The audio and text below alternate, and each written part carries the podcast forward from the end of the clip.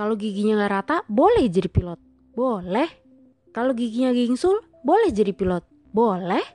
Kalau giginya bolong, boleh jadi pilot. Ya ditambel dong. Hai, kali ini kita akan bahas tentang kesehatan gigi pilot dan tolong teman-teman tolong jangan gagal move on dari iklan Pepsodent. Pemeriksaan gigi adalah salah satu pemeriksaan saat medical exam yang menentukan pilot atau siswa pilot atau calon siswa pilot layak atau nggak layak buat terbang adalah Balai Kesehatan Penerbangan. Jadi bukan sekolah pilotnya, tapi Balai Kesehatan Penerbangan.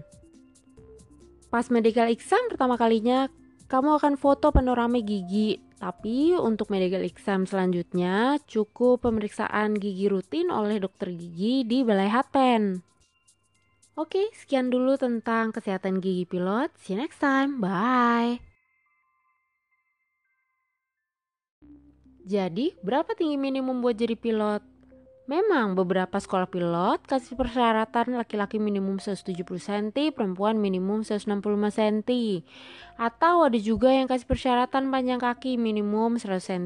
Kabar baiknya, lembaga yang melakukan pemeriksaan fisik atau menyatakan layak atau tidak layaknya pilot atau calon pilot adalah Balai Kesehatan Penerbangan, jadi bukan sekolah pilotnya.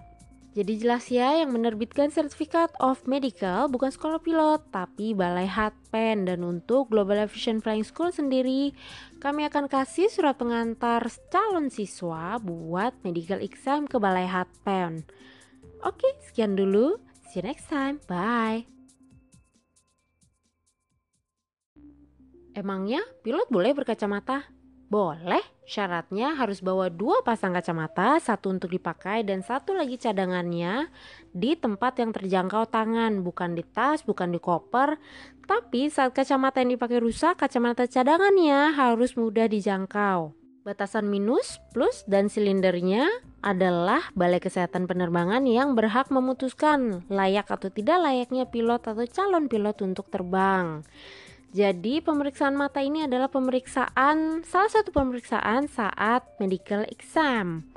Pilot School hanya berhak untuk memberikan atau tidak memberikan surat pengantar medical exam ke calon siswanya, bukan yang menentukan layak atau tidak layaknya calon siswa untuk terbang.